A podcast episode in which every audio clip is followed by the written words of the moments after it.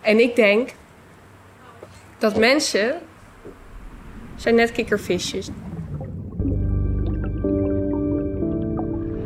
Je bent een kikkervisje. En je leeft onder water in een vijvertje tussen plantjes, vissen. Je hebt er een vast plekje. Je weet waar iedereen leeft, waar je behoort. Tot plots En jij wordt uit die vijver weggehaald, dus jij wordt uit je thuis weggehaald. en in een andere vijver geplaatst.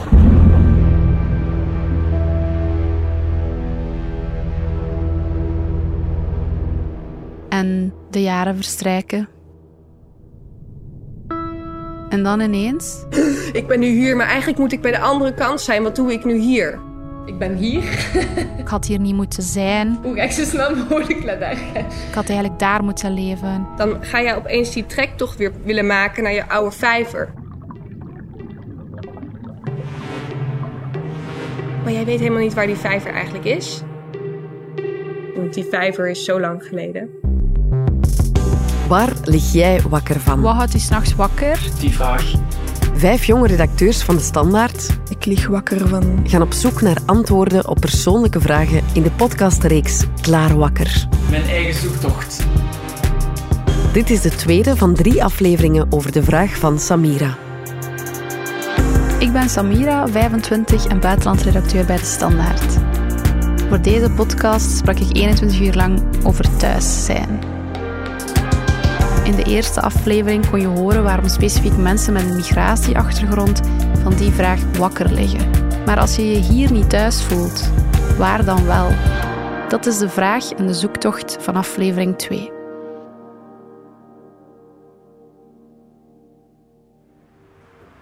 Ik wil zo graag dat kikkervisje zijn wat naar die vijver toe gaat. Wat dan in die vijver springt en denkt van... Het is er allemaal, maar als ik nu naar Guttingen zou gaan... Dit is Rut. Ja, dan zou ik ook dat kikkervisje zijn. Je hoorde haar al in de eerste aflevering. Die denk ik niet zou weten dat dit de vijver is waar die naar op zoek is. Zij groeide op in het stadje Göttingen in Duitsland, maar verhuisde op haar twaalfde naar Nederland.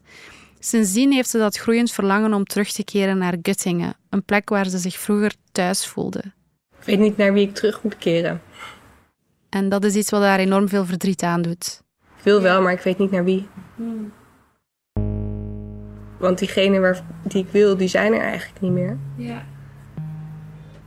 Dat is allemaal, ja, uitgevlogen, weg. En ik denk dat ik heel erg op zoek ben en heel erg verlang naar dat gevoel van weer thuiskomen ook in Duitsland. En dat dat echt wel naarmate ik langer hier ben, minder daar is. Ja. En waar ik echt over aan het rouwen ben. En ook in constant conflict met hoe ik dan deze situatie voor mezelf oplos. Dus waar, naar, naar wat ben ik op zoek en naar wat verlang ik? Want dat stukje geschiedenis waarnaar ik verlang, dat kan ik op dit moment niet vinden. Want die vijver is zo lang geleden. Aan tafel bij kinderpsychiater Winnie Ang vergelijk ik het gevoel van Rut met het verhaal van Odysseus, die na Al zijn jaren ook terugkeert naar huis. En eigenlijk meteen weer vertrekt. Als je weggaat van je thuis, valt het meteen weg.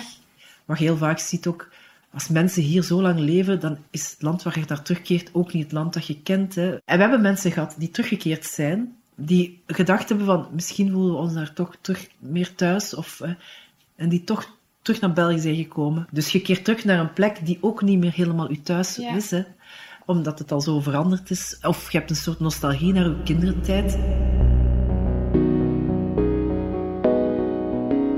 Familiefeestjes, de overdreven versieringen bij de familiefeestjes, mijn tantes en nichten, neven en onkel wekelijks zien vrijdagavond, barbecuen op ons dakterras, warme droge lucht, wandelen met mijn papa door de straten en over bijen dat hij voor mij heeft gekocht, de files, de drukte, chaos. En vooral de zorgeloosheid. Oh, het is hier echt leuk en het weer is hier super mooi en het eten is hier super lekker. Vezara heeft hetzelfde met Albanië. Wij blijven veel naar Albanië gaan en nu ben ik echt op zoek naar een nieuwe band daarmee. Dus ik ga tijdens de winter, ik ga tijdens de herfst, niet meer tijdens de zomer, omdat ik zo echt wil dat ik daar zo iets blijf hebben of zo. Dat, dus ik koester dat wel, maar ik voel wel van ik moet dat op een andere manier leren accepteren of zo, dat dat deel is van mij. En niet bijvoorbeeld het Albanië missen dat ik kende als kind, want het is gewoon weg. Een grote crisis daar. Het is moeilijk om daar te wonen en er is daar geen jeugd meer. Doordat mijn generatie heftig is beginnen migreren en dat die mensen op andere plekken zijn ook in Europa, maakt je veel meer deel uit van een soort diaspora-gemeenschap. Dat dat veel onduidelijker is geworden voor mij nu wat dat die Albanese kant eigenlijk is. En ik heb echt gevoeld van zo, ik moet mij hier overzetten dat dat niet meer is gelijk dat dat was. Het is zo super allee, versplinterd. Waardoor, dat, allee, waardoor dat ik mij eerder ben beginnen associëren met, met zo het idee van een diaspora-gemeenschap. Eerder van zo, ik heb deze thuis en ik heb deze thuis en die staan vast. En dat, is, dat bestaat zo niet echt meer.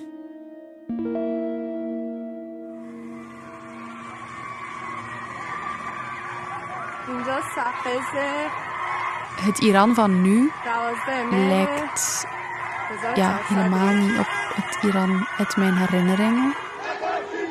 Nee, het is nog lang niet rustig in Iran. Want daar zijn protest Protesten. tegen de dood van een jonge vrouw. Van Massa Amini. Mahsa Amini, De politie grijpt hard in.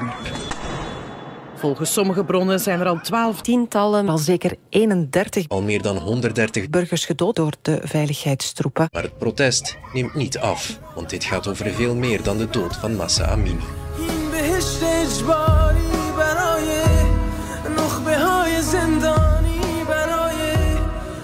En op zulke momenten is ook een harde confrontatie. Enerzijds dat dat de situatie is daar.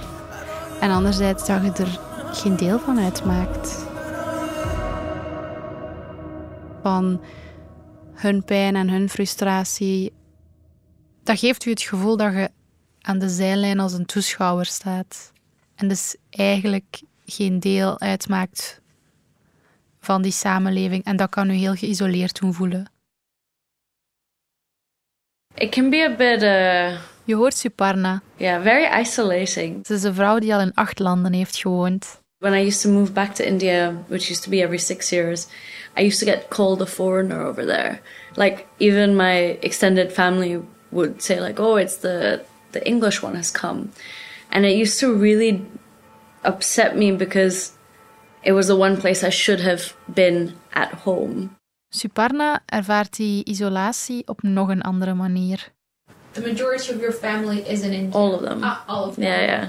Okay. So my parents used to move around, and my dad just retired in February, so now they're back in Delhi as well. So everyone is there. So I'm the only one who, yeah, here. yeah. You get you miss out on so many like of their big moments. You're always just like a a tourist in each other's lives. When I used to move back to India, which used to be every six years, I used to get called a foreigner over there. Like even my extended family would say like, "Oh, it's the the English one has come," and it used to really upset me because it was the one place I should have been at home.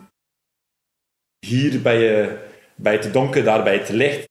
Dit is Ken, geboren en getogen in Oedelem en zoon van een Belgische vader en een Rwandese moeder.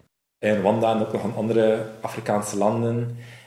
Daar is racisme ook heel letterlijk in gezegd. Als in van, je loopt bijvoorbeeld op straat eh, en mensen gaan echt gewoon zeggen van, ah, Muzungu, Muzungu. Als in van, klopt daar een witte. Iemand, dat is zo een groepje kinderen, ah, buitenlander, buitenlander. Snap je? Dat is de letterlijkheid van... van En hier voelt het heel sluimer. hier is het heel slim en daar is het heel letterlijk. Mijn pa voelt zich thuis in België, mijn pa voelt zich thuis in Rwanda. Maar dan hij inderdaad, ben ik nergens thuis.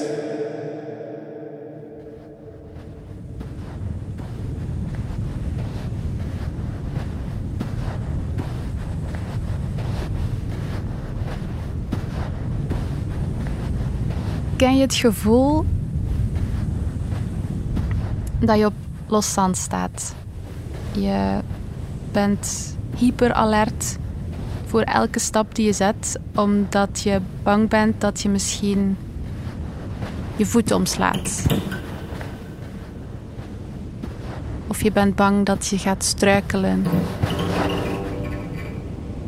En elk geluidje, elk krak uh, geeft u schrik of maakt u bang. Dus je denkt altijd veel langer na over elke stap die je zet.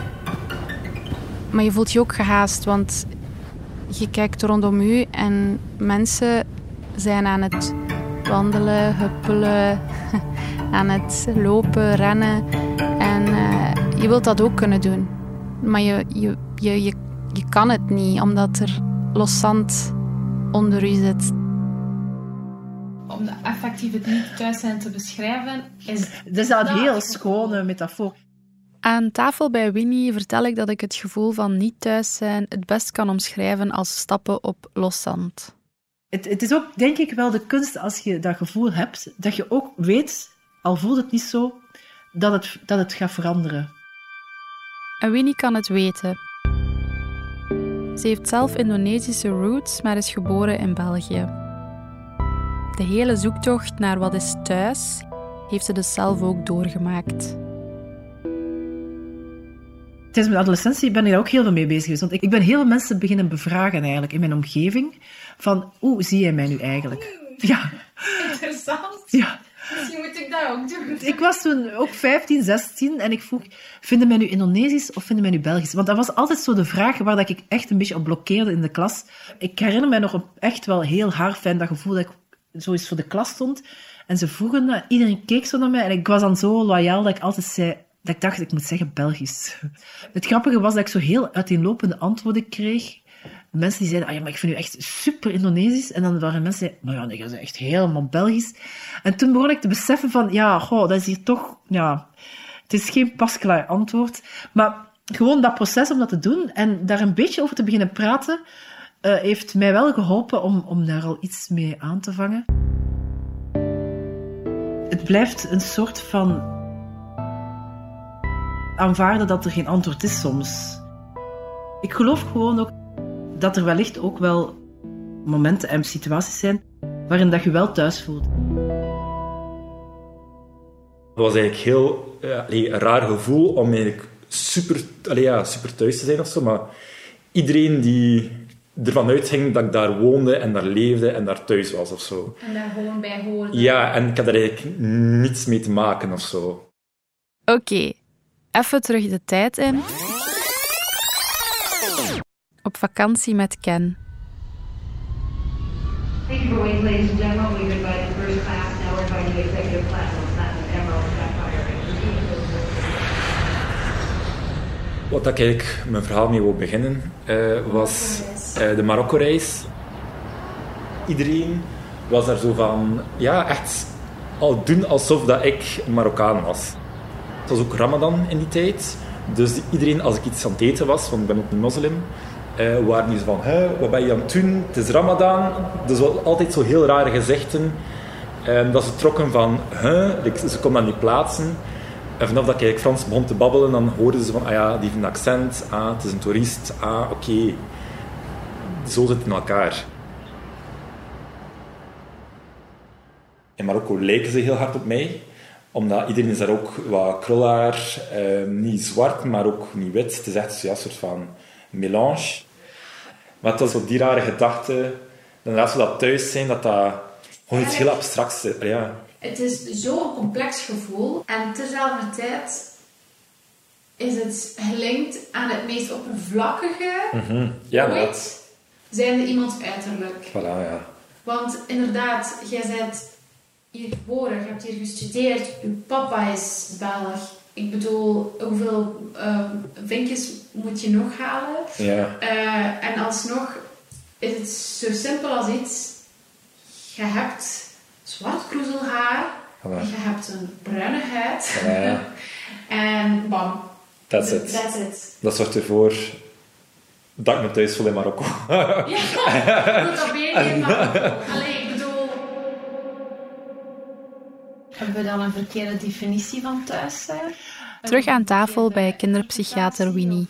Ik denk dat, dat we thuis gewoon moeten beschouwen als iets dat ook heel veel lager is en dat niet altijd in een heel absolute manier naar voren komt, zijnde altijd en overal.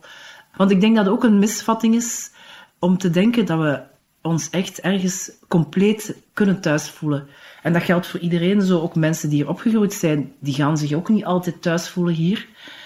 Maar het gaat mij wel over de zoektocht naar wat zijn dan die momenten dat ik mij thuis voel en wat, wat zorgt ervoor? Dat, dat bewustzijn is wel belangrijk ergens. En soms, soms overvalt het je ook. En ik dacht gewoon zo, what is happening? Zonder dat je het eigenlijk weet dat het gaat komen. Dit is zo de ziekste catharsis. Dus dat je het niet kunt controleren. Ik heb eigenlijk gewoon een keer de ervaring gehad waar dat ik zo heel veel ideeën over heb of zo. Maar dat is het fantastische aan. Je hebt echt heel veel mogelijkheden om je toch af en toe thuis te voelen.